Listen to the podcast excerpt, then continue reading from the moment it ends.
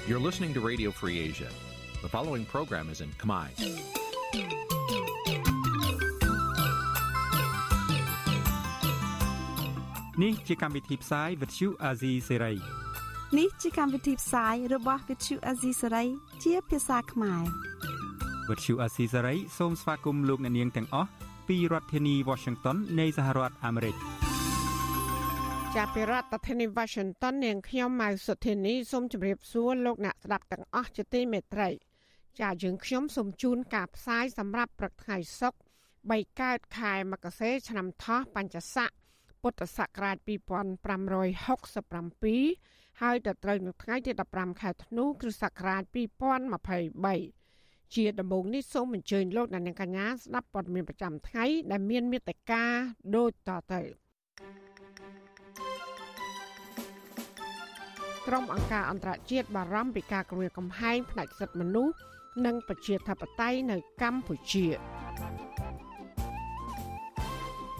ឡាការដោះលែងមន្ត្រីបកភ្លើងទៀន6រូបក្រោយពីបង្ខំឲ្យចុះចូលជាមួយគណៈបកកាន់អំណាចអ្នកវិភាគបារម្ភពីការបាត់បង់ឯករាជ្យជាតិបើសិនជាកម្ពុជាពឹងចិនទាំងស្រុងក្នុងការជីកព្រែក ជនជាតិដើមភាគតិចភ្នងខេត្តមណ្ឌលគិរីសោកស្ដាយដែលភ្នំអរិយជាង10កន្លែងរងការកាប់ទន្ទ្រានរួមនឹងព័ត៌មានសំខាន់សំខាន់មួយចំនួនទៀតការជាបន្តទៅទៀតនេះនាងខ្ញុំម៉ៅសុធានីសូមជូនព័ត៌មានទាំងនោះពឺស្ដាលោកនានីជាទីមេត្រីអង្គការសិទ្ធិមនុស្សអន្តរជាតិចំនួន6សម្ដែងការព្រួយបារម្ភអំពីការរំលោភសិទ្ធិមនុស្ស និងការធ្លាក់ចុះប្រជាធិបតេយ្យធ្ងន់ធ្ងរនៅកម្ពុជា អង្គការទាំងនេះបានចាត់ទុកថាកម្ពុជាកំពុងធ្លាក់ចូលទៅរបបផ្ដាច់ការក្រោយពីការរៀបចំការបោះឆ្នោតសកលឆ្នាំ2023អង្គការទាំងនោះរួមមានអង្គការសិទ្ធិមនុស្សអន្តរជាតិ Human Rights Watch បណ្ដាញប្រជាធិបតេយ្យអាស៊ី ADN វេទិកាអាស៊ានសម្រាប់សិទ្ធិមនុស្សនិងអភិវឌ្ឍសមាជិកអាស៊ាននិងអង្គការ ANFREL ជាដើម អង្គការទាំងនេះបានធ្វើលិខិតចំហរួមគ្នាដាក់ទៅសហភាពអឺរ៉ុបនិងប្រទេសប្រជាធិបតេយ្យមួយចំនួនទៀតដូចជាប្រទេសជប៉ុនសហរដ្ឋអាមេរិកកាណាដាអូស្ត្រាលី និងប្រទេសមួយចំនួនទៀតក្រុមអង្គការអន្តរជាតិទាំងនោះក៏បានអំពាវនាវឲ្យប្រទេសទាំងនេះចាត់វិធានការជាបន្ទាន់នៅមុនពេលដែលរដ្ឋាភិបាលរបស់លោកហ៊ុនម៉ាណែត រៀបចំការបោះឆ្នោតប្រសិទ្ធភាពនៅដើមឆ្នាំ2024ហើយនៅតែផាត់ចោលគណៈបកភ្លើងទៀនដែលជាគណៈបកប្រឆាំងនៅកម្ពុជានោះលិខិតចំហដដែលក៏បានបញ្ជាក់ទៀតថាកម្ពុជា បានធ្លាក់ទៅក្នុងរបបផ្ដាច់ការរាប់ចាប់តាំងពីការដឹកនាំរបស់អតីតនាយករដ្ឋមន្ត្រីហ៊ុនសែនដែលបានប្រើប្រាស់តឡាការដើម្បីរំលាយគណៈបក្សប្រជាជាតិកាលពីឆ្នាំ2017 អាញាធរដ្ឋាភិបាលក៏បានគម្រាមកំហែងសកម្មជនគណៈបកសង្គ្រោះជាតិនៅទូទាំងប្រទេសនៅមានករណីលួចវាយសកម្មជនបពប្រឆាំងនៅតាមផ្លូវអត្រាបណីជាច្រើនករណីដែលអាញាធរដ្ឋាភិបាលមិនបានរកយុត្តិធម៌ជូនដល់ជនរងគ្រោះនោះឡើយនៅពេលដែលកូនប្រុសរបស់លោកហ៊ុនសែនគឺលោកនាយករដ្ឋមន្ត្រីហ៊ុនម៉ាណែតឡើងកាន់អំណាចបន្តនោះលោកហាក់គ្មានអ្វីផ្លាស់ប្ដូររបៀបរបបនៃការដឹកនាំនោះឡើយ។ រដ្ឋបាលដឹកនាំដោយលោកហ៊ុនម៉ាណែតនៅតែគម្រាមកំហែងសកម្មជនបពប្រឆាំងសកម្មជនបរិស្ថាន ចាប់ខ្លួនអនុប្រធានគណៈបកភ្លើងទៀនលោកថៃសេដ្ឋាហើយនឹងមានករណី5អំពើហិង្សាលួចវាយសកម្មជននៅតាមដងផ្លូវគ្មានត្រាប្រណីដែលមិនខុសពីរដ្ឋាភិបាលដឹកនាំដោយឪពុករបស់លោកនោះឡើយក្រុមអង្គការអន្តរជាតិទាំងនោះក៏បានទទូចដល់រដ្ឋបាលរបស់លោកហ៊ុនម៉ាណែត ឲ្យបញ្ឈប់ការធ្វើទុកបុកម្នេញគ្រប់ទម្រង់ជាបន្ទាន់ហើយក៏អំពាវនាវឲ្យដោះលែងសកម្មជននយោបាយដោយឥតលក្ខខណ្ឌពួកគេក៏អំពាវនាវរដ្ឋាភិបាលកម្ពុជាបើករៀបចំការបោះឆ្នោតប្រសិទ្ធភាពនៅឆ្នាំ2024ដោយសេរីនិងត្រឹមត្រូវ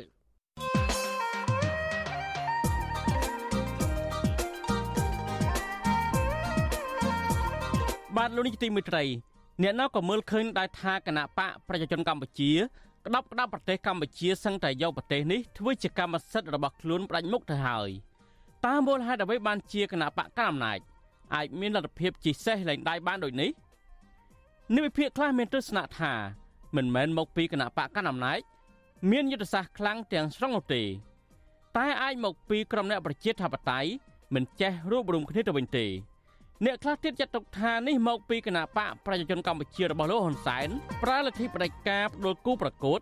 តាមគ្រប់វិធីមិនរើសមុខតែម្ដង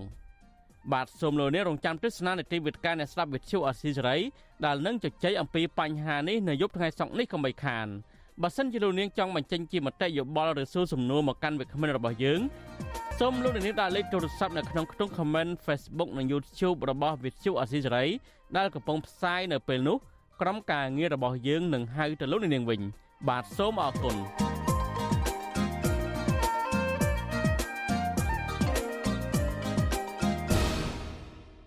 ចាលោកនាងជាទីមេត្រីសមត្ថកិច្ចបញ្ជូនកញ្ញាសេងធីរីត្រឡប់ទៅពន្ធនាគារប្រៃសណវិញហើយកាលពីយប់ថ្ងៃទី13ខែធ្នូក្រោយពីបញ្ជូនទៅនៅមន្ទីរពេទ្យរុស្ស៊ីក្នុងរាជធានីភ្នំពេញអស់រយៈពេលជាង10ម៉ោង មន្ត្រីសង្គមស៊ីវិលនៅតែបារម្ភពីសុខភាពរបស់កញ្ញាដែលខ្លាចមានបញ្ហាសុខភាពធ្ងន់ធ្ងរខណៈអ្នកមេធាវីខ្មែរអមេរិកាំងរូបនេះបន្តធ្វើកតកម្មបង្អត់អាហារមិនទាន់ឈប់នៅឡើយជាពីរដ្ឋធានី Washington លោកមានរដ្ឋាភិការព័ត៌មាននេះសុខភាពរបស់កញ្ញាសេងធីរីនៅមិនទាន់បានប្រសើរឡើងវិញនៅឡើយទេដោយស្ថិតនៅក្នុងការតាមដានពីគ្រូពេទ្យនៅពន្ធនាគារព្រៃសរនៅឡើយ អគ្គនាយករងពន្ធនាគារនៃក្រសួងមហាផ្ទៃលោកនុតសវណ្ណាប្រាវិសុវស៊ីស្រីនៅថ្ងៃទី14ខែធ្នូថាសមាជិកបានដឹកកញ្ញាសេងធីរីត្រឡប់ទៅពន្ធនាគារព្រៃសរវិញនៅយប់ថ្ងៃទី13ខែធ្នូបន្ទាប់ពីគ្រូពេទ្យបានតាមដានសុខភាពរបស់កញ្ញារកឃើញថាសុខភាពគ្រាន់តែចុះខ្សោយជាងមុនក៏ប៉ុន្តែមិនធ្ងន់ធ្ងរដល់អាយុជីវិតនោះទេ លោកបញ្ជាក់ថារហូតមកដល់ពេលនេះកញ្ញាសេងធីរីនៅតែមិនព្រមហូបអាហារអ្វីទាំងអស់លើកលែងតែទឹកនិងទឹកក្រូចឆ្មាប៉ុណ្ណោះអឺអាហារយើងដាក់ឲ្យគាត់ហូបទេយើងរៀបចំឲ្យគាត់ជាប្រចាំទេអេបើប៉ះពាល់ធ្ងន់ធ្ងរពេទ្យមិនឲ្យចេញមកវិញសុខភាពគាត់ទូទៅដូចជាគ្រាន់តែគាត់ខ្សោយហើយយើងត្រៀមឆ្នាំសង្កូវត្រៀមអីដើម្បីសង្គ្រោះក្នុងហេតុការណ៍ណាមួយអញ្ចឹងបើគាត់ ប្រឈមនឹងបញ្ហាធ្ងន់ធ្ងរគេមិនឲ្យគាត់ចេញពីពេទ្យទេកញ្ញាសេងធីរីកំពុងធ្វើកោតកម្មអត់អាហាររយៈពេល10ថ្ងៃក្នុងពន្ធនាគារព្រៃសរចាប់ពីថ្ងៃទី7ដល់ថ្ងៃទី16ខែធ្នូដើម្បីទាមទារឲ្យសាលាឧទ្ធរភ្នំពេញផ្ដល់សេរីភាពដល់កញ្ញាវិញហើយរហូតមកដល់ពេលនេះមានរយៈពេល8ថ្ងៃហើយដោយកញ្ញាមិនទាន់ទទួលទានអាហារឡើងវិញនៅឡើយទេ វិសុវអាស៊ីស្រីមិនអាចតាក់ទងប្រធានមន្ត្រីពេទ្យរុស្ស៊ីលោកងីម៉េងដើម្បីសាកសួរបន្ថែមពីសុខភាពរបស់កញ្ញាសេងធីរី បាននៅឡើយទេនៅថ្ងៃទី14ខែធ្នូជុំវិញរឿងនេះប្រធានសមាគមការពារសិទ្ធិមនុស្សអាត់ហុកលោកនីសុខា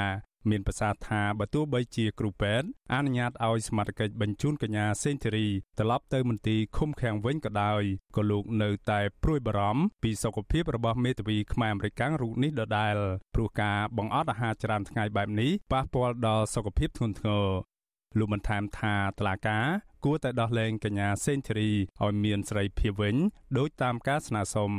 ពីព្រោះថាការបង្អត់អាហារនេះវាធ្វើឲ្យប៉ះពាល់ដល់សុខភាពធ្ងន់ធ្ងរណាស់អាចបារម្ភអំពីអាយុជីវិតក៏អាចថាបានពីព្រោះថាការបង្អត់អាហារវាអាចធ្វើឲ្យមនុស្សបាក់កម្លាំងយើងឃើញខាងនាយកដ្ឋានពន្ធនាគារបានបញ្ជាក់ឲ្យថាបើសិនជាមានបញ្ហាធ្ងន់អីគេអាចមានពេទ្យអីសង្គ្រោះបន្ទាន់អីចឹងបែបប៉ុន្តែគាត់ថាបើសិនបើមានបញ្ហាឈឺធ្លាក់ខ្លួនធ្ងន់នេះវាអាចនឹងប៉ះពាល់ដល់អាយុជីវិតដែរតែនេះជាការព្រួយបារម្ភរបស់យើងធំហើយបើសិនជាមានការប៉ះពាល់ដល់អាយុជីវិតទៀតអានោះវាកាន់តែជះឥទ្ធិពលមិនល្អខ្លាំងណាស់ចំពោះប្រទេសយើងបាទសមាជិកក្រុងភ្នំពេញបានចាប់ខ្លួនកញ្ញាសេងធារីកាលពីថ្ងៃទី14ខែធ្នូឆ្នាំ2022នៅខាងមុខតុលាការក្រុងភ្នំពេញក្រោយតុលាការប្រកាសសារក្រមកាត់ទោសកញ្ញាឲ្យជាប់ពន្ធនាគារ6ឆ្នាំដោយចោទពីបទរួមគំនិតក្បត់ក្នុងសំណុំរឿងវិលចូលស្រុករបស់លោកសំរងស៊ីកាលពីឆ្នាំ2019មេធាវីការពីក្តីឲ្យកញ្ញាសេងធីរី បានប្តឹងទាស់ទៅនឹងសេចក្តីសម្រេចរបស់តុលាការថ្នាក់ក្រោមនេះទៅសាលាឧទ្ធរភ្នំពេញក៏ប៉ុន្តែកាលពីថ្ងៃទី13ខែធ្នូប្រធានក្រុមប្រឹក្សាជំនុំជម្រះនៃតុលាការជាន់ខ្ពស់មួយនេះគឺលោកយុនណារងបានលើកពេលជំនុំជម្រះក្តីលើសំណុំរឿងរបស់កញ្ញាសេងធីរីទៅពេលក្រោយដោយគ្មានថ្ងៃកំណត់ក្រុមហេតុផលថាដោយសារតែសកម្មជនសិទ្ធិមនុស្សនិងជាអ្នកជំនាញវិជាសាស្ត្រនយោបាយអន្តរជាតិរូងនេះមានសុខភាពទ្រុឌទ្រោមមិនអាចជំនុំជម្រះបាន កន្លងទៅសហគមន៍ជាតិនិងអន្តរជាតិចាត់ទុកការចាប់ឃុំខ្លួនកញ្ញាសេងធីរីថាជាការធ្វើទុកបុកម្នេញផ្នែកនយោបាយនិងជាការឃុំខ្លួនតាមទំនឹងចិត្តនិងស្នើឲ្យតុលាការដោះលែងកញ្ញាឲ្យមានសេរីភាពវិញដោយឥតលក្ខខណ្ឌ មន្ត្រីសង្គមស៊ីវិលលើកឡើងថាការបន្តឃុំខ្លួនកញ្ញាសេងធីរីនឹងមិនបានផ្ដល់ផលចំណេញអ្វីដល់សង្គមជាតិនោះឡើយផ្ទុយទៅវិញគឺកាន់តែធ្វើឲ្យរដ្ឋាភិបាលរងនូវភាពអាម៉ាស់ផ្នែកការរំលោភសិទ្ធិមនុស្សធ្ងន់ធ្ងរនៅលើឆាកអន្តរជាតិខ្ញុំបាទមេរិត Visual Asia ស្រីពីរដ្ឋធានី Washington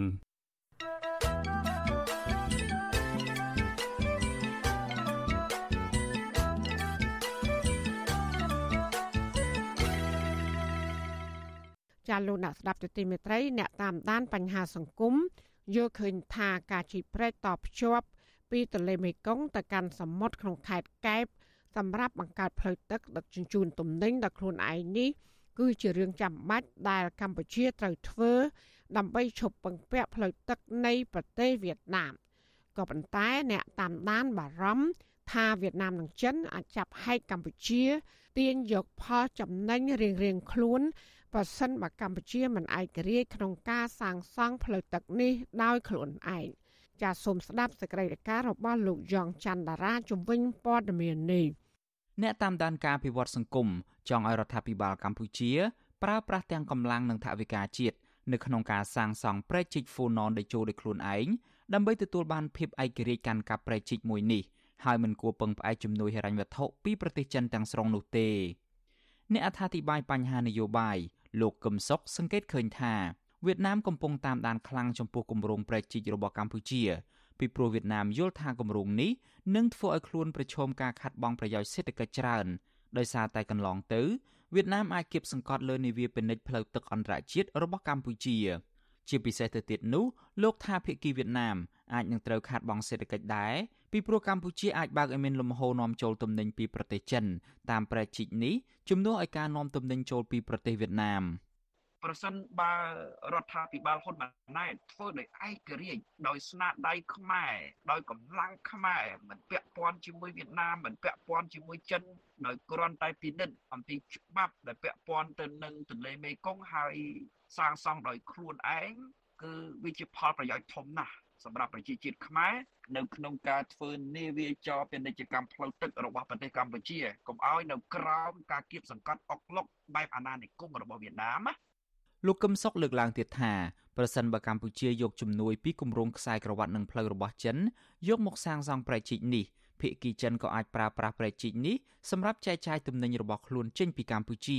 ទៅកាន់ប្រទេសផ្សេងៗទៀតនៅក្នុងតំបន់អាស៊ានហើយអាចប្រើប្រាស់សម្រាប់ការធ្វើនាវាចរនៃកងទ័ពប្រសិនបើចិនត្រូវទប់ទល់នឹងបញ្ហាអសន្តិសុខណាមួយនៅក្នុងតំបន់ការលើកឡើងបែបនេះរបស់អ្នកតាមដានស្ថានភាពនយោបាយគឺក្រោយពីភាគីរដ្ឋាភិបាលវៀតណាម បានបង្ហាញជំហរហាក់មិនចង់ឲ្យកម្ពុជាអនុវត្តគម្រោងប្រែជីកបង្កើតផ្លូវទឹកសម្រាប់ដឹកទំនិញដោយខ្លួនឯង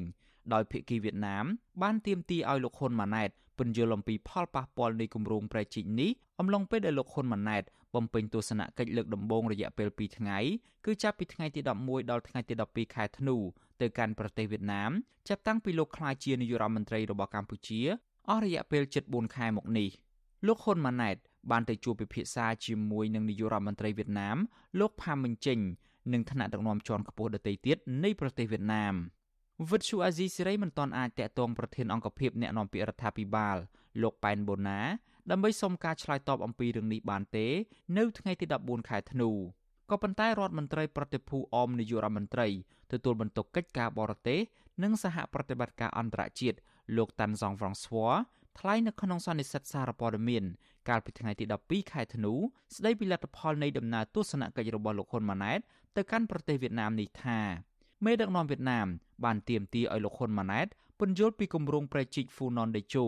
ដោយសារតែវៀតណាមព្រួយបារម្ភថាគម្រោងនេះអាចនឹងធ្វើឲ្យប៉ះពាល់ជីវៈចម្រុះនិងបរិស្ថានទន្លេមេគង្គដែលហូរទៅកាន់ប្រទេសវៀតណាមហើយហើយបានជាភាគីវៀតណាមគាត់បារម្ភចង់បានការពន្យល់បំភ្លឺមួយចំនួន ហើយកម្ពុជាដែលយល់ឃើញថាគម្រោងនេះគឺជាគម្រោងចន្ទុលមួយនាពេលខាងមុខសម្រាប់ការបន្តអភិវឌ្ឍសេដ្ឋកិច្ចនៅក្នុងប្រទេសកម្ពុជា បានជូនសេចក្តីបំភ្លឺទៅកាន់ភាគីវៀតណាមវៀតណាមបានបង្ហាញការព្រួយបារម្ភចំពោះគម្រោងប្រែជីកមួយនេះក្រោយពីរដ្ឋាភិបាលរបស់លោកហ៊ុនម៉ាណែតបានសម្រេចឲ្យក្រុមហ៊ុនសាជីវកម្មស្ពាននិងថ្នល់របស់ចិនជាអ្នកសិក្សាដើម្បីឈានទៅចុះកិច្ចព្រមព្រៀងសាងសង់គម្រោងនេះការសម្រេចនេះធ្វើឡើងនៅក្នុងពេលលោកហ៊ុនម៉ាណែត ទៅបំពេញទស្សនកិច្ចនៅក្នុងប្រទេសចិន កាលពីពាក់កណ្ដាលខែតុលាកន្លងទៅអតីតតំណាងរាជគណៈបកសង្គ្រោះជាតិលោកអ៊ុំសំអាន មើលឃើញថាការទៀមទារបស់ភាគីវៀតណាមនេះគឺបង្ហាញថាវៀតណាមអាក់អន់ចិត្តនឹងលោកហ៊ុនម៉ាណែតដែលងាកទៅជិតស្និទ្ធកាន់តែខ្លាំងជាមួយនឹងប្រទេសចិននិងអនុញ្ញាតឲ្យនាវាចម្បាំងចិនពីរគ្រឿងចូលចតនៅកំពង់ផែរៀមហ៊ុនម៉ាណែតគាត់ជំរាបវៀតណាមពីប្រជិកហ្នឹង ជាការមួយរាយការណ៍ជូនមេថាអត់មានបញ្ហានោះទេចំពោះប្រជិកហ្នឹងក៏បារម្ភពីបរិស្ថានអីចឹងតកតងទៅនឹងរឿងនេះដែរប្រធានសមាគមនិស្សិតបញ្ញវន្តខ្មែរលោកកើតសរាយយល់ឃើញថាគម្រោងប្រជិកមួយនេះប្រហែលជារឿងនយោបាយដោយកម្ពុជាចង់រើខ្លួនចេញពីវៀតណាមហើយទៅអោបក្រសោបចិនទាំងស្រុងរដ្ឋាភិបាលកម្ពុជាដឹកនាំដោយអតីតនាយករដ្ឋមន្ត្រីលោកហ៊ុនសែនបានប្រកាសដាក់ចេញគម្រោងប្រជិកហ្វូណនដេជោ ដែលមានប្រវែង180គីឡូម៉ែត្រដើម្បីតភ្ជាប់ពីទន្លេមេគង្គនៅស្រុកខ្សាច់កណ្ដាលខេត្តកណ្ដាលទៅកាន់សមុទ្រនៅក្នុងខេត្តកែបដោយគ្រោងចំណាយទឹកប្រាក់ប្រមាណ1700លានដុល្លារអាមេរិកដើម្បីសាងសង់ឲ្យហើយនៅក្នុងរយៈពេល4ឆ្នាំក្រសួងសាធារណការនិងដឹកជញ្ជូនបានប្រើពេល26ខែដើម្បីសិក្សាលើគម្រោងនេះក្រសួងអះអាងថាគម្រោងនេះនឹងផ្ដល់អត្ថប្រយោជន៍ដល់កម្ពុជា ជាពិសេស ជួយកាត់បន្ថយរយៈពេលចម្ងាយនិងតម្លៃនៃការដឹកទំនិញទៅទីផ្សារអន្តរជាតិរួមទាំងជួយកាត់បន្ថយគ្រោះទឹកជំនន់និងរក្សាទឹកទុកសម្រាប់ស្រោចស្រពដំណាំកសិកម្មរបស់ប្រជាពលរដ្ឋរាប់សែននាក់ខ្ញុំយ៉ងច័ន្ទដារាវិទ្យុអាស៊ីសេរី Washington ចាលោកនាងជាទីមេត្រីពាក់ព័ន្ធនឹងថ្នាក់ដឹកនាំរបស់វៀតណាមវិញអ្នកខ្លាំមើលសង្គមបារម្ភពីហានិភ័យនៃការបាត់បង់ជាតិទៅថ្ងៃអនាគត បើសិនបើរដ្ឋាភិបាលកម្ពុជានៅតែរក្សាគោលគំនិតដើម របស់ឥណ្ឌូចិនតាមការចង់បានរបស់វៀតណាមក្តីបារម្ភនេះក្រោយដែលមេបកកុម្មុយនីវៀតណាម លោកវៀនហ្វូជុងបានរំលឹកប្រាប់លោកហ៊ុនម៉ាណែតអំពីសាមគ្គីភាពឥណ្ឌូចិន ដែលមានប្រទេសកម្ពុជាវៀតណាមនិងឡាវព្រមទាំងជំរុញឲ្យអ្នកចំនួនក្រោយចងចាំនៅសាមគ្គីភាពនេះក្នុងជំនួបទ្វេភាគី ជាមួយលោកនាយករដ្ឋមន្ត្រីហ៊ុនម៉ាណែតកាលពីពេលថ្មីថ្មីនេះចាកញ្ញាខណ្ឌលក្ខណារិកាពុស្ដាជំវិញព័ត៌មាននេះមេបកកុម្មុយនីសវៀតណាមលោកងៀនហ្វូចុងបានរំលឹកប្រាប់លោកហ៊ុនម៉ាណែតអំពីសាមគ្គីភាពនៃឥណ្ឌូចិន ដែលមានប្រទេសកម្ពុជាវៀតណាមឡាវអំឡុងពេលលោកនាយករដ្ឋមន្ត្រីហ៊ុនម៉ាណែតនិងជាអនុប្រធានគណៈបកប្រជាជនកម្ពុជាធ្វើទស្សនកិច្ចនៅប្រទេសវៀតណាម យោងតាមការចុះផ្សាយរបស់សារព័ត៌មានវៀតណាម Plus កាលពីថ្ងៃទី11ធ្នូឲ្យដឹងថាអគ្គលេខាធិការបកកុម្មុយនីសវៀតណាមលោកងៀនហ្វូចុងបានបញ្ជាក់ប្រាប់លោកហ៊ុនម៉ាណែតថាប្រពៃណីសាមគ្គីភាពនិងការគ្រប់គ្រងគ្នាទៅវិញទៅមក រវាងបកកុម្មុយនីសវៀតណាម និងគណបកប្រជាជនកម្ពុជា និងប្រទេសទាំងពីរព្រមទាំងជាមួយបកប្រជាជនបដិវត្តឡាវផង គឺជាទ្រព្យសម្បត្តិដ៏មានតម្លៃនិងសំខាន់បំផុតសម្រាប់ប្រជាជាតិឥណ្ឌូចិនទាំង3កម្ពុជាវៀតណាមឡាវក្នុងជំនួបនោះលោកងៀនហ្វូចុងបានប្រាប់លោកហ៊ុនម៉ាណែតថាភាគីទាំងពីរត្រូវចិញ្ចឹមបីបាច់ថែរក្សាទំនាក់ទំនងវៀតណាមកម្ពុជាឲ្យមានការអភិវឌ្ឍបន្ថែមទៀតដោយគ្នានឹងមេបកកុម្មុយនីសវៀតណាមដែរប្រធានរដ្ឋសភាវៀតណាមលោកវឿងដេញហ្វេក៏បានរំលឹកលោកហ៊ុនម៉ាណែតថា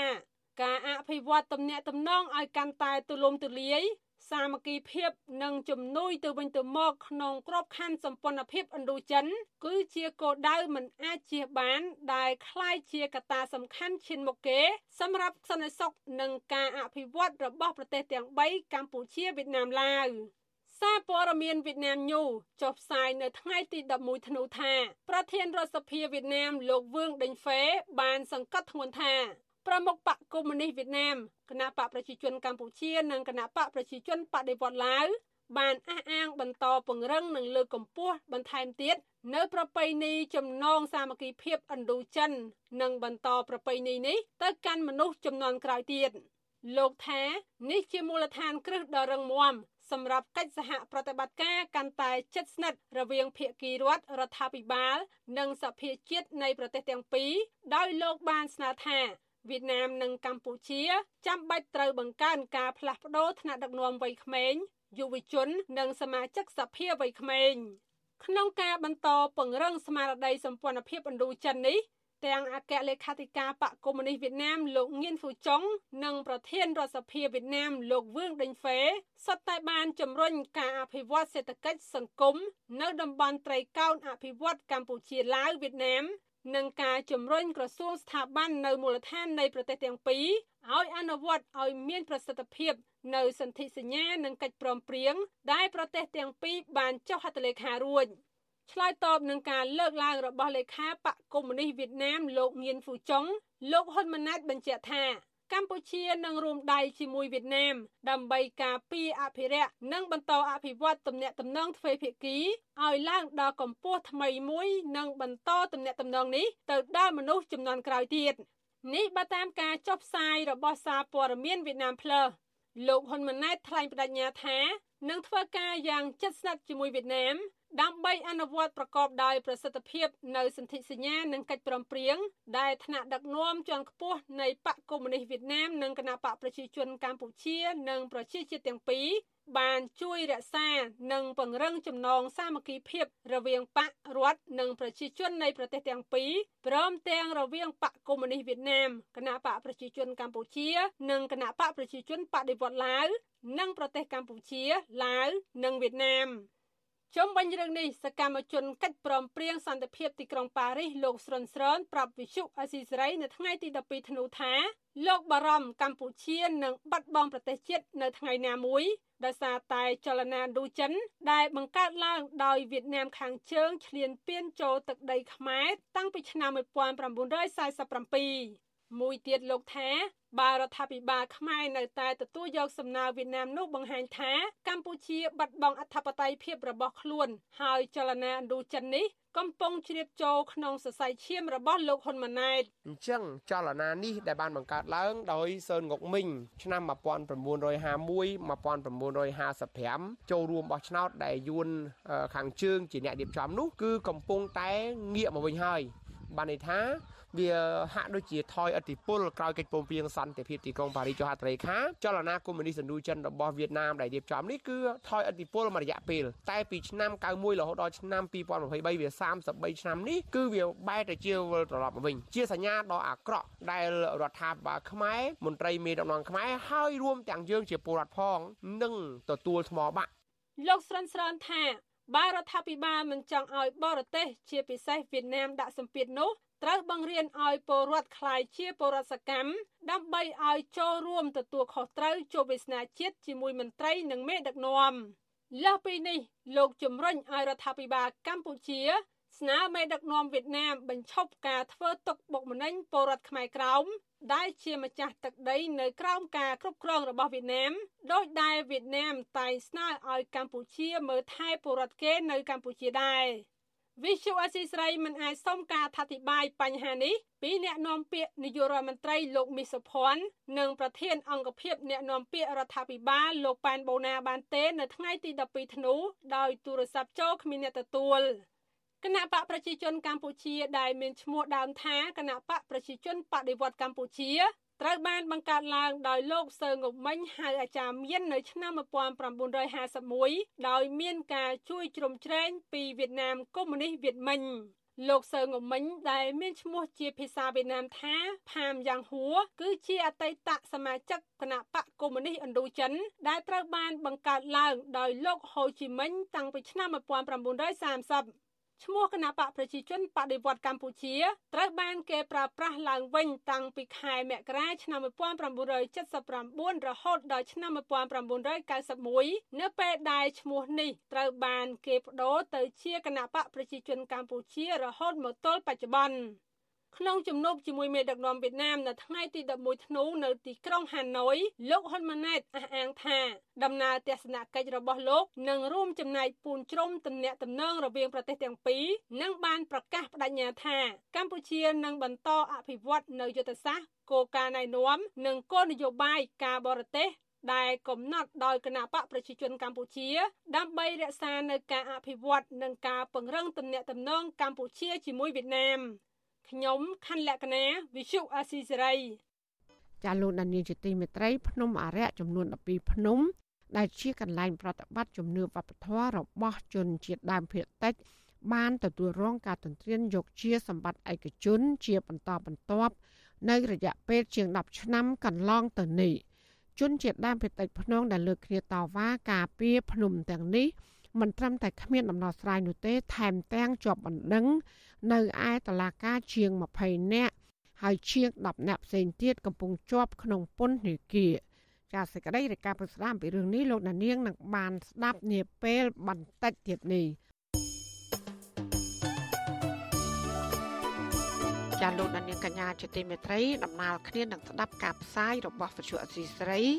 តាមបណ្ដាញសង្គម Facebook YouTube និង Telegram លោកដានៀងក៏អាចស្ដាប់ការផ្សាយរបស់យើងតាមរយៈរលកធាតុអាកាសខ្លីឬ Short Wave តាមកម្រិតនិងកម្ពស់ដូចតទៅចាប់ពីព្រឹកចាប់ពីម៉ោង5កន្លះដល់ម៉ោង6កន្លះតាមរយៈប៉ុស SW 93.90 MHz ស្មើនឹងកម្ពស់ 32m និងប៉ុស SW 11.85 MHz ស្មើនឹងកម្ពស់ 25m ចាសម្រាប់ពេលយប់វិញ គឺចាប់ពីម៉ោង7កន្លះដល់ម៉ោង8កន្លះគឺតាមរយៈប៉ុស SW 93.30 MHz ស្មើនឹងកម្ពស់ 32m ប៉ុស SW 11.88 MHz ស្មើនឹងកម្ពស់ 25m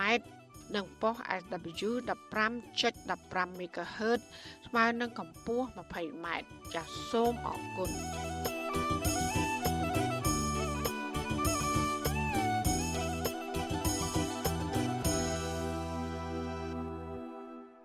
ចាលោកនាងជាទីមេត្រីដំណឹងដាច់ដライតាក់ទងនឹងមន្ត្រីគណៈបកភ្លើងទៀនវិញ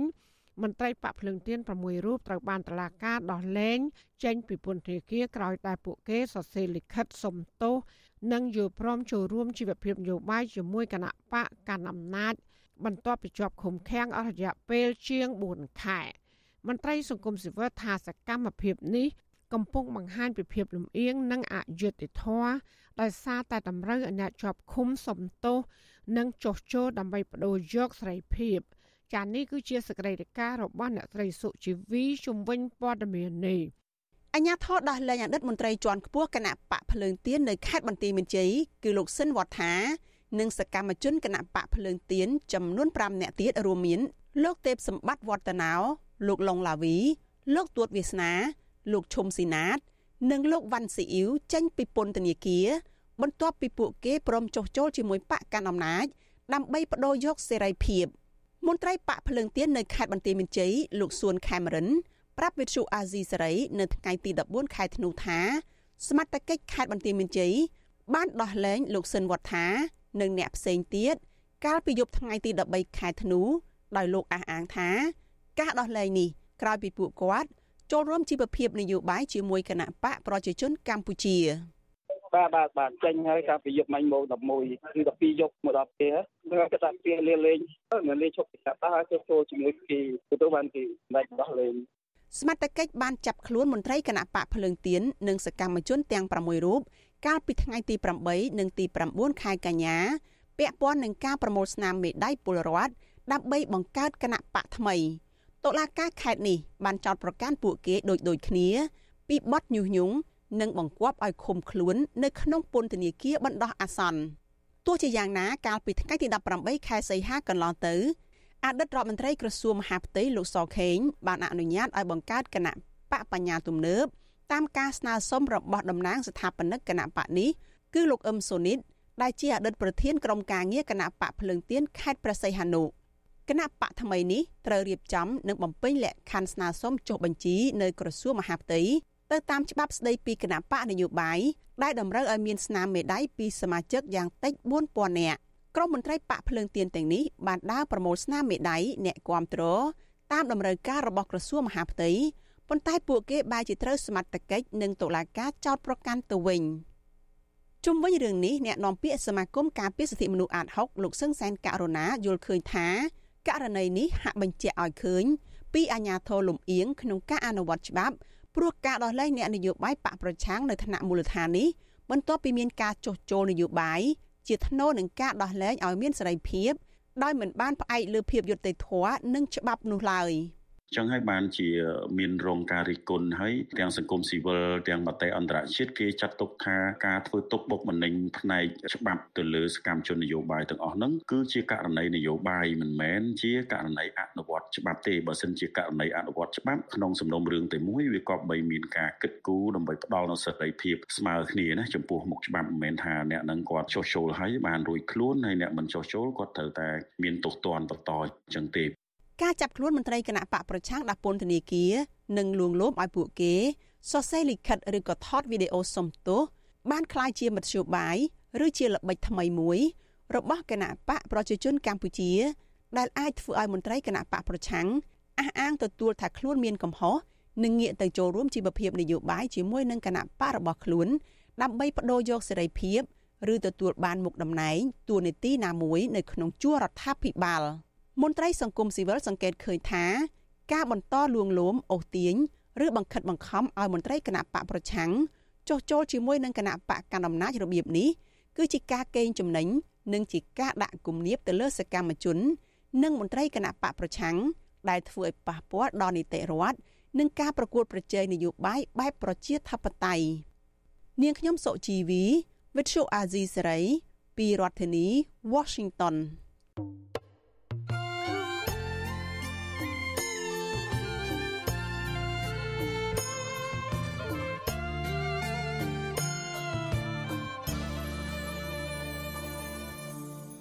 លោកនានីជាទីមេត្រីពាក់ព័ន្ធនឹងប្រធានកោជបលោកប្រាច័ន្ទវិញ ដែលទៅបានជាប់ឆ្នោតអាណត្តិថ្មីនេះលោកសន្យាថានឹងដឹកនាំស្ថាប័នរៀបចំការបោះឆ្នោតឲ្យបានល្អដើម្បីផ្ដល់ទំនុកចិត្តដល់ប្រជាពលរដ្ឋនិងអ្នកពាក់ព័ន្ធថែមទៀតផងទោះយ៉ាងណាអ្នកខ្លំមើលការបោះឆ្នោតថាគ្មានជំនឿលើការអះអាងនេះឡើយចាលោកទីនសាករាយារាយការណ៍ព័ត៌មាននេះប្រធានគណៈកម្មាធិការជាតិរៀបចំការបោះឆ្នោតកោជបអាណត្តិថ្មី គឺលោកប្រាច់ច័ន្ទបដិញ្ញាថាលោកនឹងបន្តដឹកនាំស្ថាប័នកោជបដោយគោរពតាមច្បាប់ និងរៀបចំចាត់ចែងគ្រប់គ្រងការបោះឆ្នោតឲ្យកាន់តែប្រសើរឡើងលោកប្រច័ន្ទដែលល្បីខាងប្តឹងមន្ត្រីគណៈបកប្រឆាំងនិងបរដ្ឋនោះអះអាងទៀតថា នៅពេលដែលកោជបបំពេញការងារដោយសេរីត្រឹមត្រូវយុត្តិធម៌នឹងធ្វើឲ្យប្រជាពលរដ្ឋមានជំនឿចិត្តនិងអ្នកពាក់ព័ន្ធថែមទៀត លោកប្រច័ន្ទអះអាងបែបនេះនៅក្នុងថ្ងៃប្រកាសចូលកាន់តំណែងប្រធានអនុប្រធាន និងសមាជិកកោជបថ្មីចំនួន9រូបនៅព្រឹកថ្ងៃទី14ធ្នូកបាលម៉ាស៊ីនកោជបអាណត្តិថ្មីនេះ4រូបមកពីគណៈបកប្រជាជនកម្ពុជានិង4រូបមកពីគណៈបកហ្វុនស៊ិនពេចហើយមួយរូបទៀតមកពីអង្គការក្រៅរដ្ឋាភិបាលដែលគណៈបកជាប់ឆ្នោតទាំងពីរបានឯកភាពទទួលយកចំណែកឯសមាជិកកោជបលោកសំសូរីដា ដែលទើបតែឡើងកាន់តំណែងជាសមាជិកកោជបថ្មី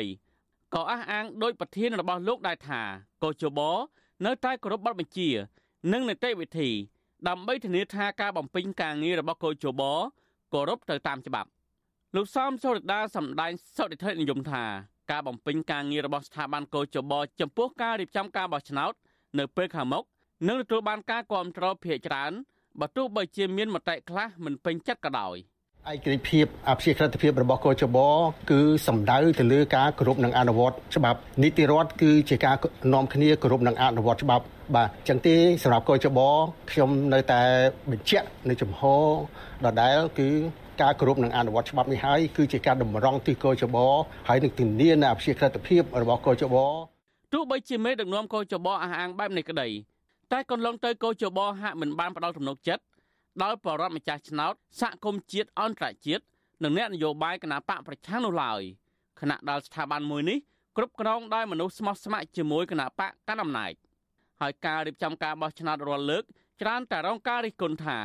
គោចបរៀបចំឡើងដោយមិនសេរី មិនត្រឹមត្រូវ និងមិនយុត្តិធម៌នាយកប្រតិបត្តិអង្គការឃ្លាំមើលការបោះឆ្នោតនៅកម្ពុជាហៅកាត់ថា Netflix លោកសំគុណធីមីលើកឡើងថាការបដិញ្ញាចិត្តគឺជារឿងត្រឹមត្រូវ ប៉ុន្តែត្រឹមតែការបដិញ្ញាចិត្តនេះគឺមិនគ្រប់គ្រាន់ឡើយសំខាន់គឺការអនុវត្តជាក់ស្ដែងលោកបន្ថែមថាការបំពេញការងាររបស់ស្ថាប័នកោជបកន្លងមកក៏រងការរិះគន់ច្រើនដែរលោកបន្ថែមថាដើម្បីអាចធានាឲ្យកោជបក្លាយជាស្ថាប័នឯករាជ្យអព្យាក្រឹតបានលុះត្រាតែឋានដឹកនាំស្ថាប័ននេះបំពេញការងារគោរពតាមច្បាប់ ហើយបើកឲ្យមានការឃ្លាំមើលដោយសេរីពីគ្រប់ភាគីអ ថាប័នហ្នឹងគឺឲ្យមានឯករាជ្យបានមានជំនឿពីដែលអ្នកពាក់ព័ន្ធទាំងអស់បាទគឺអីក៏ដោយអញ្ចឹងហើយបានថាយើងចង់មើលឃើញសមាជិកអញ្ចឹងហើយការបញ្ញាចិត្តអញ្ចឹងយើងមានការរីករាយណាស់ប្រហាក់ប្រហែលគ្នាដែរអ្នកសម្របសម្រួលផ្នែកអង្គការរបស់អង្គការឃ្លាំមើលការបោះឆ្នោត Confrel លោកកនសវាងមានប្រសាសន៍ថាអ្វីដែលមេដឹកនាំកោជបត្រូវដោះស្រាយគឺការរៀបចំការបោះឆ្នោតឲ្យបានត្រឹមត្រូវនិងយុត្តិធម៌ លោកជំរុញឲ្យស្ថាប័នរៀបចំការបោះឆ្នោតត្រូវពង្រឹងសមត្ថភាពមន្ត្រីរបស់ខ្លួនដើម្បីឆ្លើយតបទៅនឹងតម្រូវការការងារបាទនេះគឺជាបញ្ហាមួយដែលត្រូវដោះស្រាយណាបាទអញ្ចឹងការអនុវត្តការតាំងចិត្តវាជារឿងមួយដែលប្រសើរតែការអនុវត្តជាក់ស្ដែងដើម្បីឲ្យមានការទទួលយកពីគ្រប់ភាគីនឹងរឹតតែជារឿងដែលសំខាន់ថែមទៀតគោចបដល់ជាស្ថាប័នអាយក្រិចប៉ុន្តែត្រូវបានដឹកនាំដោយក្រុមមនុស្សមិនអាយក្រិចទៅវិញក្រុមមេដឹកនាំទាំងនោះ គឺជាអ្នកដែលស្មោះស្ម័គ្រនឹងគណៈបកកណ្ដាលអំណាចរបស់លោកហ៊ុនសែនដែលធ្វើឲ្យស្ថាប័នអាជ្ញាកណ្ដាលមួយនេះរងការរិះគន់ថាបំពេញការងារមិនដើរតាមគន្លងច្បាប់ហើយក្រុមមេដឹកនាំស្ថាប័ននេះកន្លងមកក៏បានចេញមុខប្តឹងអ្នករិះគន់ការបោះឆ្នោតទៅតុលាការផងដែរចំណែកឯអាមេរិកនិងសហភាពអឺរ៉ុបក៏មិនទាន់បានផ្ដល់ជំនួយដល់កោជបវិញនៅឡើយទេចាប់តាំងពីការរំលាយគណៈបកសង្គ្រោះជាតិកាលពីចុងឆ្នាំ2017មកខ្ញុំម៉ាទីនសាការីយ៉ាអស៊ីសេរី ប្រធានាធិបតី Washington ចាលោកនាងជាទីមេត្រីពាក់ព័ន្ធនឹងកំណែតម្រង់សេដ្ឋកិច្ចវិញធនាគារពិភពលោកព្យាករថាកំណើនសេដ្ឋកិច្ចកម្ពុជា ប្រមាណ5%ក្នុងរយៈពេលប្រមាណឆ្នាំចុងក្រោយនេះគឺมันអាចធ្វើឲ្យប្រទេសកម្ពុជាក្លាយជាប្រទេសដែលមានប្រាក់ចំណូលមធ្យមកម្រិតខ្ពស់ត្រឹមឆ្នាំ2030នោះឡើយបើសិនបើរដ្ឋាភិបាលកម្ពុជាមិនពន្លឿនកំណែតម្រង់សេដ្ឋកិច្ច ចាមន្ត្រីបពប្រឆាំងលើកឡើងថារដ្ឋាភិបាលកម្ពុជាគួរងាកមកស្ដារលទ្ធិប្រជាធិបតេយ្យនិងសិទ្ធិមនុស្សដើម្បីទទួលបានការគ្រប់គ្រងផ្នែកសេដ្ឋកិច្ចពីប្រទេសប្រជាធិបតេយ្យរបាយការណ៍ធនាគារពិភពលោកកាលពីថ្ងៃទី13ខែធ្នូព្យាករណ៍ថាដើម្បីឲ្យប្រទេសកម្ពុជាក្លាយជាប្រទេសដែលមានប្រាក់ចំណូលមធ្យមកម្រិតខ្ពស់ត្រឹមឆ្នាំ2030រដ្ឋាភិបាលកម្ពុជាគួរតែពន្លឿនកំណែតម្រង់សេដ្ឋកិច្ច ដើម្បីកាត់បន្ថយភាពក្រីក្រឲ្យប្រទេសកម្ពុជាត្រូវរក្សាអត្រាកំណើនសេដ្ឋកិច្ចប្រចាំឆ្នាំយ៉ាងតិច7%ធនាគារពិភពលោកបញ្យល់ថាមូលហេតុដែលប្រទេសកម្ពុជាគួរតែពន្លឿនកំណែតម្រង់សេដ្ឋកិច្ចដោយសារតែសេដ្ឋកិច្ចកម្ពុជាក្នុងឆ្នាំ2023នេះគឺទទួលបានកំណើនតែជាង5.4% ដែលឆ្ងាយពីកំណើនប្រចាំឆ្នាំជាមធ្យមគឺជាង7.2%ដែលបានសម្រេចក្នុងទសវត្សរ៍មុនការរាតត្បាតនៃជំងឺ Covid-19 ធនាគារពិភពលោកថាគិតត្រឹមឆ្នាំ2020សេដ្ឋកិច្ចកម្ពុជាបានធ្លាក់ចុះធ្វើឲ្យបរដ្ឋខ្មែរជាង1លាន2សែននាក់រស់នៅក្រោមបន្ទាត់ភាពក្រីក្រ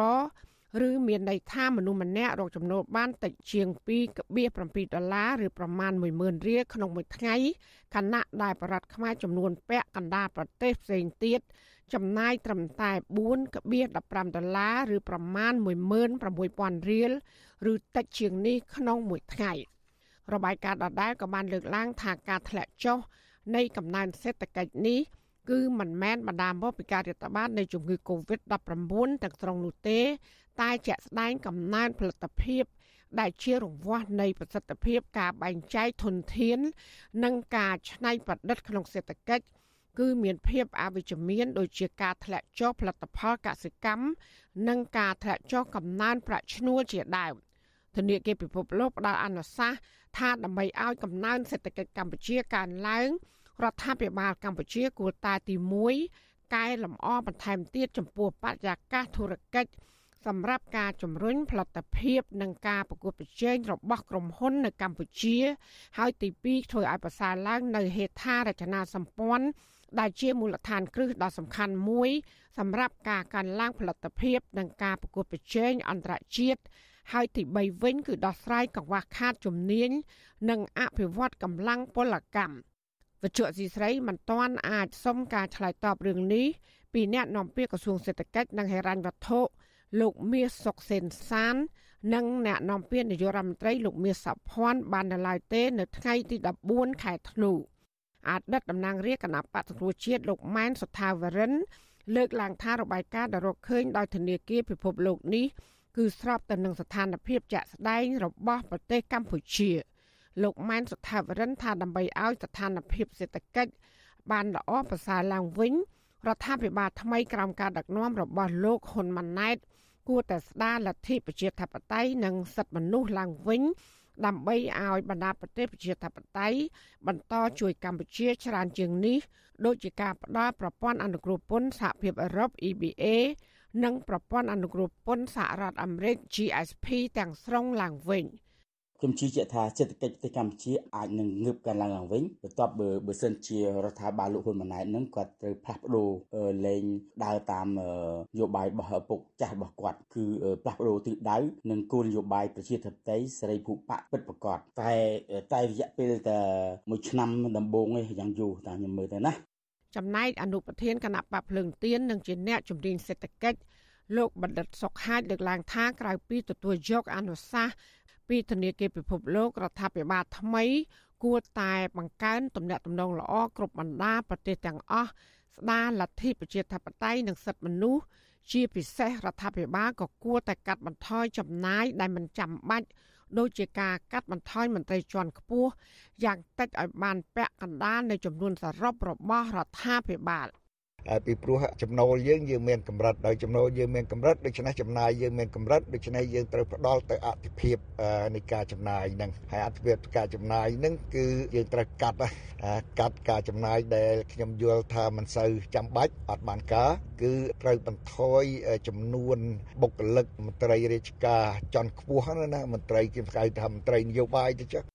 អស់រយៈពេលជាង3ខែក្រោមការដឹកនាំរបស់លោកនាយករដ្ឋមន្ត្រីហ៊ុនម៉ាណែត ប្រជាប្រដ្ឋជាច្រើនកាន់តែធ្លាក់ក្នុងបំណុលនិងធ្វើចំណាក់ស្រុកទៅស៊ីឈ្នួលនៅបរទេស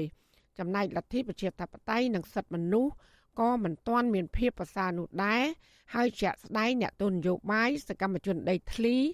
និងសកម្មជនសិទ្ធិមនុស្សជាង30នាក់កំពុងជាប់នៅក្នុងពន្ធនាគារ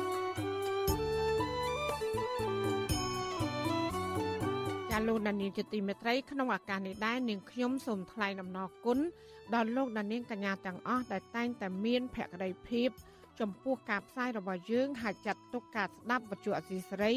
គឺជាផ្នែកមួយនៃសកម្មភាពប្រចាំថ្ងៃរបស់លោកអ្នកការគ្រប់គ្រងរបស់លោកដានៀងនេះហើយដែលធ្វើយើងខ្ញុំមានទឹកចិត្តកាន់តែខ្លាំងថែមទៀតក្នុងការស្វែងរកនិងផ្តល់ព័ត៌មានជូនដល់លោកដានៀង ចាំមានអ្នកស្ដាប់អ្នកទេសនាកាន់តែច្រើនកាន់តែធ្វើយើងខ្ញុំមានភាពស្វាហាប់មោះមុតជាបន្តទៀតចាយើងខ្ញុំសូមអរគុណទុកជាមុនហើយក៏សូមអញ្ជើញលោកដានៀងកញ្ញាចូលរួមជំរុញឲ្យសកម្មភាពផ្ដល់ព័ត៌មានរបស់យើងនេះកាន់តែជោគជ័យបន្ថែមទៀតលោកដានៀងអាចជួយយើងខ្ញុំបានដោយគ្រាន់តែចុចចែករំលែកឬ share ការផ្សាយរបស់យើងនេះ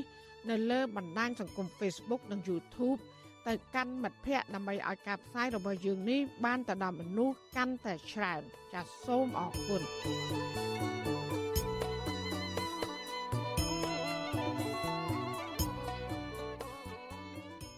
ចាលោកដានៀងជាទីមេត្រីភ្នំអរិយចំនួន12ភ្នំ ដែលជាកន្លែងប្រតិបត្តិជំនឿវប្បធម៌របស់ជនជាតិដើមភាគតិច បានទទួលរងការទន្ទ្រានយកជាសម្បត្តិឯកជនជាបន្តបន្ទាប់ នៅរយៈពេលជាង10ឆ្នាំកន្លងទៅនេះជនជាតិដើមភាគតិចភ្នងដែលលើកគ្នាតវ៉ាការពារភ្នំទាំងនេះមិនត្រឹមតែគ្មានដំណោះស្រាយនោះទេ ថែមទាំងជាប់បណ្ដឹង នៅឯតឡាការជាង20នាក់ហើយជាង10នាក់ផ្សេងទៀតកំពុងជាប់ក្នុងពន្ធនាគារចាអ្នកស្រីសុជីវីរាយការណ៍ពុស្ដាជំនាញព័ត៌មាននេះដូចតទៅភ្នំអារៈជាង10កន្លែងទាំងនោះជាតំបន់ដែលជនជាតិដើមភាគតិចភ្នង តែងគោរពបូជាអារក្សអ្នកតា និងអាស្រ័យផលបែបទំនៀមទម្លាប់ប្រពៃណីបានប្រែក្លាយទៅជារមណីយដ្ឋាន និងផ្ទះលំហែរបស់អ្នកមានលុយមានអំណាចជាបន្តបន្ទាប់ប្រជាសហគមន៍ចាត់ទុកការបាត់បង់សម្បត្តិធម្មជាតិទាំងនេះគឺជាការជន់ឈ្លីទំនៀមទម្លាប់ប្រពៃណីវប្បធម៌របស់ពួកគាត់ហើយអាចឈានទៅដល់ការបាត់បង់ពូជអម្បូរជនជាតិដើមភាគតិចនេះនៅថ្ងៃខាងមុខ។ ប្រធានបណ្ដាញសហគមន៍ជនជាតិដើមភាគតិចភ្នងកំពុងជាប់បណ្ដឹងនៅតុលាការលោកស្រីភ្លឹកភិរមអះអាងប្រាប់វិទ្យុអាស៊ីសេរីថាអាញាធរបានខົບខិតគ្នាជាប្រព័ន្ធធ្វើឯកសារមិនប្រក្រតីដើម្បីរំលោភយកដីភ្នំរ៉ាដាង និងភ្នំដតីទៀតហើយនៅពេលដែលជនជាតិដើមភាគតិចតវ៉ាទាមទារដីភ្នំនេះវិញបើទោះបីជាមានភ័ស្តុតាងនិងឯកសារច្បាស់លាស់ក្តីក៏អាជ្ញាធរគ្មានឆន្ទៈនិងដោះស្រាយដោយយុត្តិធម៌ដែរ លោកស្រីថាអាជ្ញាធរមិនបានយកច្បាប់មកអនុវត្តនោះទេ ដោយពួកគាត់មានការយោគយល់គ្នាបកពួកនិយមជាមួយនឹងអ្នកមានអំណាច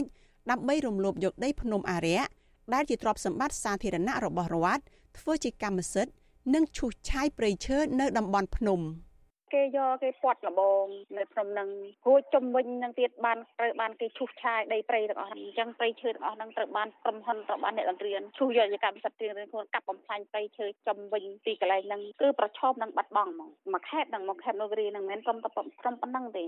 មួយទៀតដែលខ្ញុំនិយាយមិនតែណាឲ្យឃើញច្បាស់ហ្នឹងគឺលុបបំបត្តិអត់ឲ្យមានពុះចេញដីផ្ទៃហ្មងលោកស្រីផលិតភិរមស្ដាយស្រណោះសម្បត្តិធម្មជាតិជាអត្តសញ្ញាណកុលសម្ព័ន្ធជនជាតិដើម និងសម្រាប់ធម្មជាតិ ថាគួរតែអភិរក្សបម្រើវិស័យទេសចរជួយសេដ្ឋកិច្ចសហគមន៍មិនគួរគ្រប់គ្រងជាសម្បត្តិបុគ្គលនោះទេបណ្ដាញសហគមន៍ជនជាតិដើមភាគតិចភ្នងឲ្យដឹងថា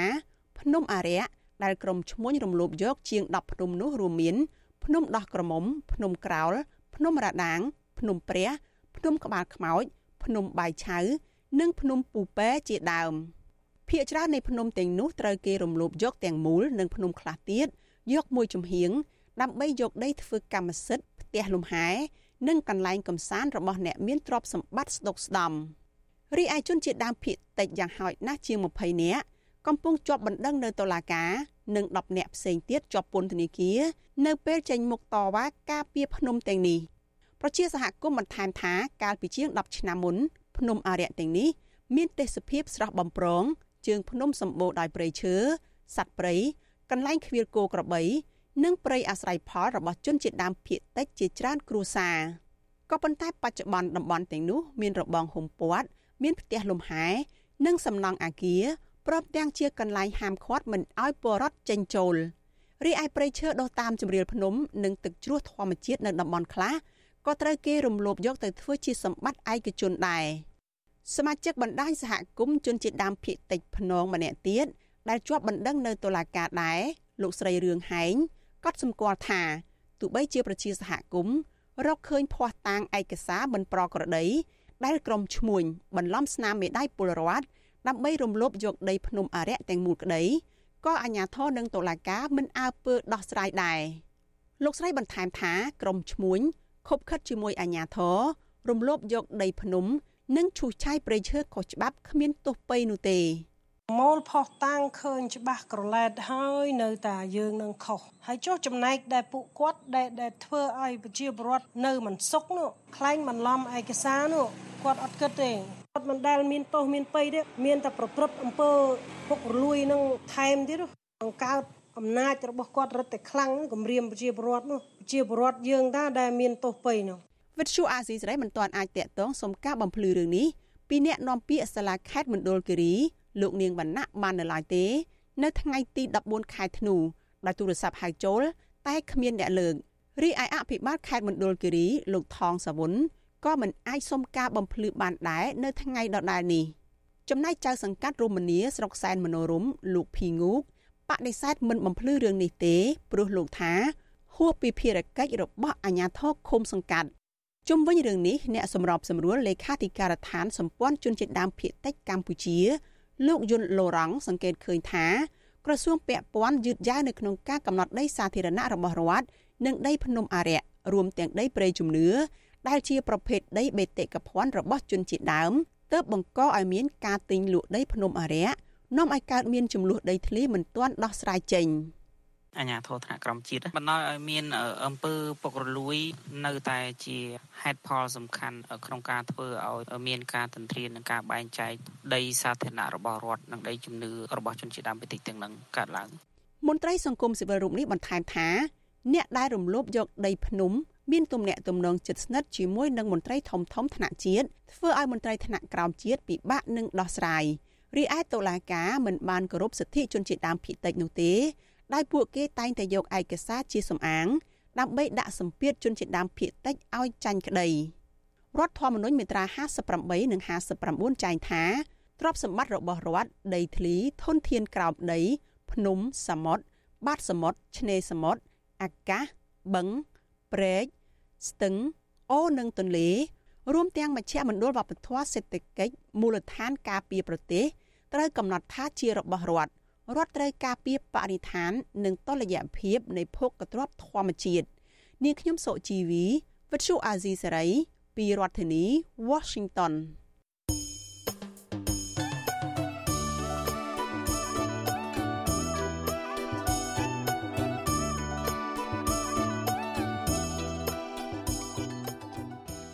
ចាលោកអ្នកស្ដាប់ទទីមេត្រីកម្មកររោងចក្រមួយចំនួន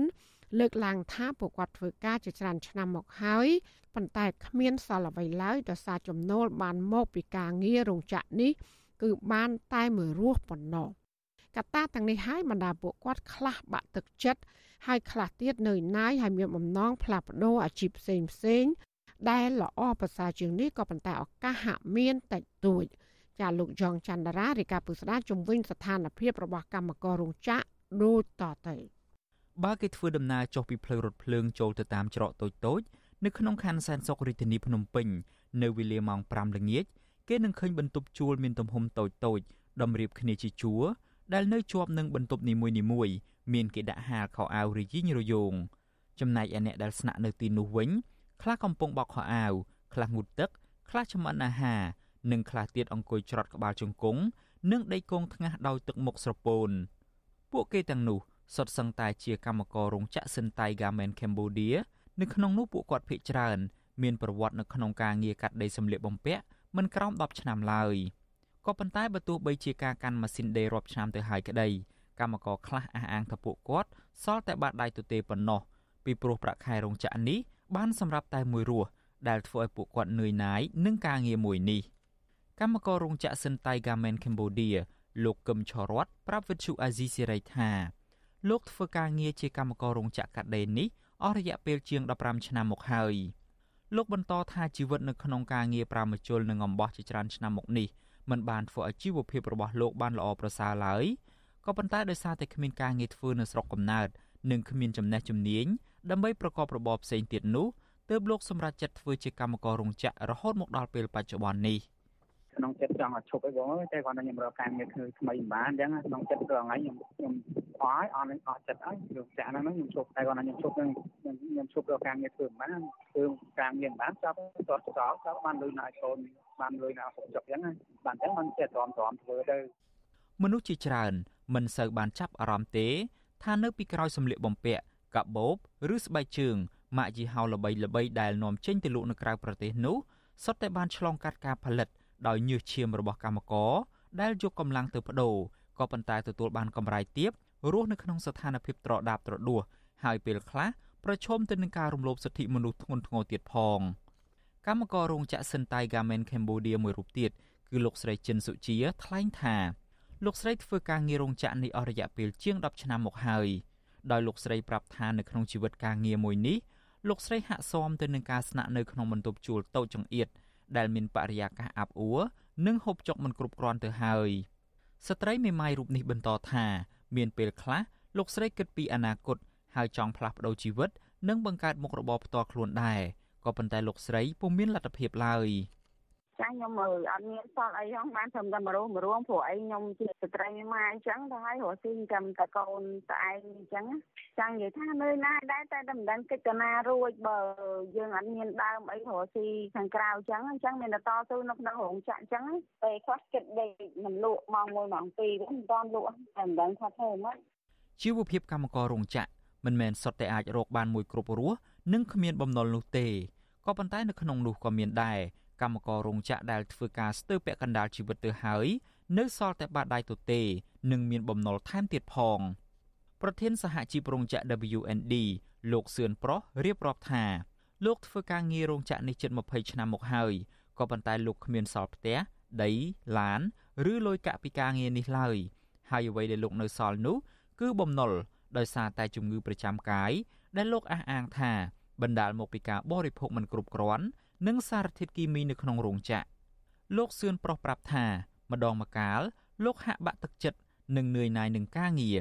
ហើយនៅពេលនិយាយពីការផ្លាស់ប្ដូរជីវិតទៅថ្ងៃមុខវិញ លោកនិយាយទាំងអួលដើមកថាលោកពុំមានលទ្ធភាពឡើយ មានការទុច្ចចិត្តដែរតែបងពិតពីអនាគតខ្លួនឯងហេតុអីបានជាគេកាត់មកជាមនុស្សដូចយើងដែរគេមានវិឡាមានផ្ទះមានឡានមានអីនៅ គេទួនាទីគេសុទ្ធឯកឧត្តមអុកញ៉ាមន្ត្រីរាជការមានសហគមន៍ធំហើយខ្ញុំជីវិតមួយដូចគេដែរតែខ្ញុំរស់នៅផ្ទះជួលទូចង្អៀតមានការខ្វះខាតទោះបីការហូបចុកហ្នឹងក៏អត់បានគ្រប់គ្រាន់ទៀតអញ្ចឹងគឺខ្ញុំប៉ះទង្គិចខ្លាំងពាក់ព័ន្ធជាមួយផ្លូវចិត្តផ្លូវអារម្មណ៍គឺខ្ញុំប៉ះពាល់ខ្លាំងណាស់បងតែវាមិនដឹងនិយាយពីអត់ណាព្រោះយើងនៅផ្ទះតែម្នាក់ឯងអញ្ចឹងណាបង ភាពនឿយណាយនឹងការប៉ះទង្គិចផ្លូវចិត្តរបស់កម្មករនេះហាក់កាន់តែធ្ងន់ធ្ងរជាងមុនក្រោយពីរោងចក្រមួយចំនួនបានបិទទ្វារព្យួរការងារនិងកាត់បន្ថយចំនួនកម្មករនិងម៉ោងធ្វើការចាប់តាំងតែពីឆ្នាំ2020ដែលបណ្ដាលឲ្យចំណូលរបស់កម្មករធ្លាក់ចុះនិងទទួលរងការរំលោភសិទ្ធិការងារពីថៅកែរោងចក្របន្ថែមទៀតវិទ្យុអាស៊ីសេរីមិនអាចតាក់ទងแนะនាំពាក្យក្រសួងការងារនិងបណ្ដុះបណ្ដាលវិជ្ជាជីវៈលោកកតាអូន និងអគ្គលេខាធិការសមាគមរោងចក្រកាត់ដេរនៅកម្ពុជា លោកខេនលូដើម្បីសុំការបកស្រាយអំពីរឿងនេះបានទេគិតត្រឹមម៉ោងផ្សាយនេះតែកតិនទៅនឹងបញ្ហានេះរដ្ឋមន្ត្រីក្រសួងការងារនិងបណ្ដុះបណ្ដាលវិជ្ជាជីវៈលោកហេងសួរបានបញ្ជាក់កាលពីថ្ងៃទី7ខែវិច្ឆិកាថាក្រសួងការងារគ្រោងចុះអនុសារណៈនៃការយោគយល់គ្នាឬក៏ MOU ជាមួយតំណាងវិស័យឯកជនចំនួន18សមាគមដើម្បីបណ្ដុះបណ្ដាលជំនាញវិជ្ជាជីវៈ ដល់យុវជនមកពីគ្រួសារក្រីក្រ គ្រួសារងាយរងហានិភ័យនិងកម្មករនិយោជិតចំនួនប្រមាណជាង1លាននាក់នៅក្នុងនោះក្រសួងបានដាក់វិស័យអតិភិបចំនួន10រួមមានសំណង់អគិសនី និងធម្មពលអេឡិចត្រូនិកបរិខាត្រជាក់និងកម្ដៅកម្មន្តសាល មេកានិកទូទៅ និងមេកានិករថយន្តទេសចរសេវាកម្មកសិកម្មនិងកសិឧស្សាហកម្មធុរកិច្ចនិងព័ត៌មានវិទ្យាទោះជាបែបនេះក្តី ក្រុមកម្មករមួយចំនួនអះអាងថាពួកគាត់មិនទាន់ទទួលបានការបណ្ដុះបណ្ដាលជំនាញវិជ្ជាជីវៈពីក្រសួងការងារនោះទេពួកគាត់លើកឡើងស្រដៀងគ្នាថាកម្មវិធីបណ្ដុះបណ្ដាលជំនាញដល់កម្មករនេះទំនងជាការបោកប្រាស់របស់លោកហេងសួរប៉ុណ្ណោះពីព្រោះកន្លងទៅរដ្ឋមន្ត្រីក្រសួងការងាររូបនេះច្រើនតែខ្វល់ខ្វាយពីប្រាក់ចំណេញរបស់ថៅកែជាជាងកម្មករជាក់ស្ដែងកាលពីកិច្ចប្រជុំចុងក្រោយរបស់ក្រមប្រឹក្សាជាតិប្រាក់ឈ្នួលអបបរមា កាលពីថ្ងៃទី28ខែកញ្ញាឆ្នាំ2023លោកហេងសួរបានបោះឆ្នោតគាំទ្រតួលេខដំឡើងប្រាក់ឈ្នួលអបបរមាឲ្យកម្មករចំនួន202ដុល្លារដែលកើនឡើងតែ2ដុល្លារប៉ុណ្ណោះសម្រាប់ឆ្នាំ2024ហើយកម្មករមិនពេញចិត្តចំពោះតួលេខនេះឡើយដោយសារតែតម្លៃទំនិញគ្រប់មុខដែលលក់នៅលើទីផ្សារឡើងថ្លៃកប់ពពកតែកតិនទៅនឹងរឿងនេះប្រធានសហភាពការងារកម្ពុជា លោកអាត់ធុនទទួលស្គាល់ថា កម្មកររោងចក្រភ ieck ច្រើន កំពុងប្រឈមបញ្ហាសុខភាពផ្លូវកាយនិងផ្លូវចិត្តដោយសារមកពីការធ្វើការងារលើសកម្លាំងសម្ពាធពីលក្ខខណ្ឌការងារនិងទទួលបានប្រាក់ចំណូលទាបមិនអាចដោះស្រាយជីវភាពគ្រួសារបានលោកបន្តថាបញ្ហានេះតម្រូវឲ្យក្រសួងការងារចរចាដំឡើងប្រាក់ខែគោលដល់កម្មករឲ្យបានខ្ពស់ជាងនេះនិងមានផែនការជាក់លាក់នៅក្នុងការបង្កើតវគ្គបណ្ដុះបណ្ដាលជំនាញទៅដល់អ្នកដែលមានបំណងចេញទៅប្រកបមុខរបរផ្សេងទៀត។ ការបន្តបណ្ដាលវិជ្ជាជីវៈដែលរដ្ឋាភិបាលបានប្រកាសថាបន្តបណ្ដាលមួយលាន5សែននាក់នោះវាគ្រាន់តែជាផែនការទេហើយជាការចាប់ផ្ដើមប៉ុណ្ណោះអញ្ចឹងកម្មករយកចិត្តជាច្រើននៅអត់ទាន់ទទួលបានសេវានោះទេហើយម្យ៉ាងទៀតគឺគេផ្ដល់លុយឲ្យជូនតែអ្នកដែលមានបានក្រីក្រប៉ុន្តែចំពោះកម្មករគាត់ជាច្រើនមិនមានបានក្រីក្រទេគាត់ធ្វើការរោងចក្រគាត់មានចំណូលខ្លះៗដែរបើសិនជាគាត់ចូលរៀនវគ្គនេះដែលអត់មានលុយហើយគាត់រយៈចំណាយពេលមួយខែពីរខែតែគាត់មានលុយថាបងថ្លៃបន្ទប់ថ្លៃបាយមកតែជួលគាត់ពិបាក កម្មកររោងចក្រជាច្រើនបានលើកឡើងថាប្រសិនបើពួកគាត់មានចំណេះជំនាញអ្វីផ្សេងពួកគាត់នឹងចាក់ចេញពីវិស័យកាត់ដេរមួយនេះហើយទៅចាប់អាជីពថ្មីដែលអាចធានាពីការរស់នៅ និងមានប្រាក់ចំណូលសមរម្យជាពិសេសគឺធានាពីនិរន្តរភាពការងារដែលគ្មានការគំរាមកំហែងនិងបណ្ដេញចេញស្រេចតែចិត្តពីសំណាក់ថៅកែកម្មករនិងមន្ត្រីសហជីពសង្ឃឹមថារដ្ឋាភិបាលកម្ពុជា តាមរយៈក្រសួងការងារ និងរៀបចំផែនការនៃការបណ្ដុះបណ្ដាលជំនាញដល់កម្មករឲ្យបានជាក់លាក់ដើម្បីឲ្យពួកគាត់មានឱកាសទទួលបានការរៀនសូត្រនិងផ្លាស់ប្ដូរជីវិតខ្លួនឲ្យល្អប្រសើរជាងជីវិតជាកម្មកររោងចក្រដែលប្រឹងត្រដររស់ឲ្យរួចតែមួយថ្ងៃមួយថ្ងៃដូចនៅក្នុងពេលបច្ចុប្បន្ននេះខ្ញុំយ៉ងច័ន្ទដារាវិទ្យុអាស៊ីសេរី Washington ចាលោកនានីជាទីមេត្រី កັບផ្សាយរយៈពេល1ម៉ោងរបស់វិទ្យុអាស៊ីសេរី ជាភាសាខ្មែរនៅពេលនេះចប់តែប៉ុណ្ណេះចាយើងខ្ញុំសូមជូនពរដល់លោកណានៀងព្រមទាំងក្រុមគូសាទាំងអស់សូមជួបប្រកបតែនឹងសេចក្តីសុខសេចក្តីចម្រើនកុំបីឃ្លៀងឃ្លាតឡើយចាននាងខ្ញុំម៉ៃសុធានីព្រមទាំងក្រុមការងារទាំងអស់នៃវិទ្យុអសីស្រីសូមអរគុណនិងសូមជម្រាបលា thank you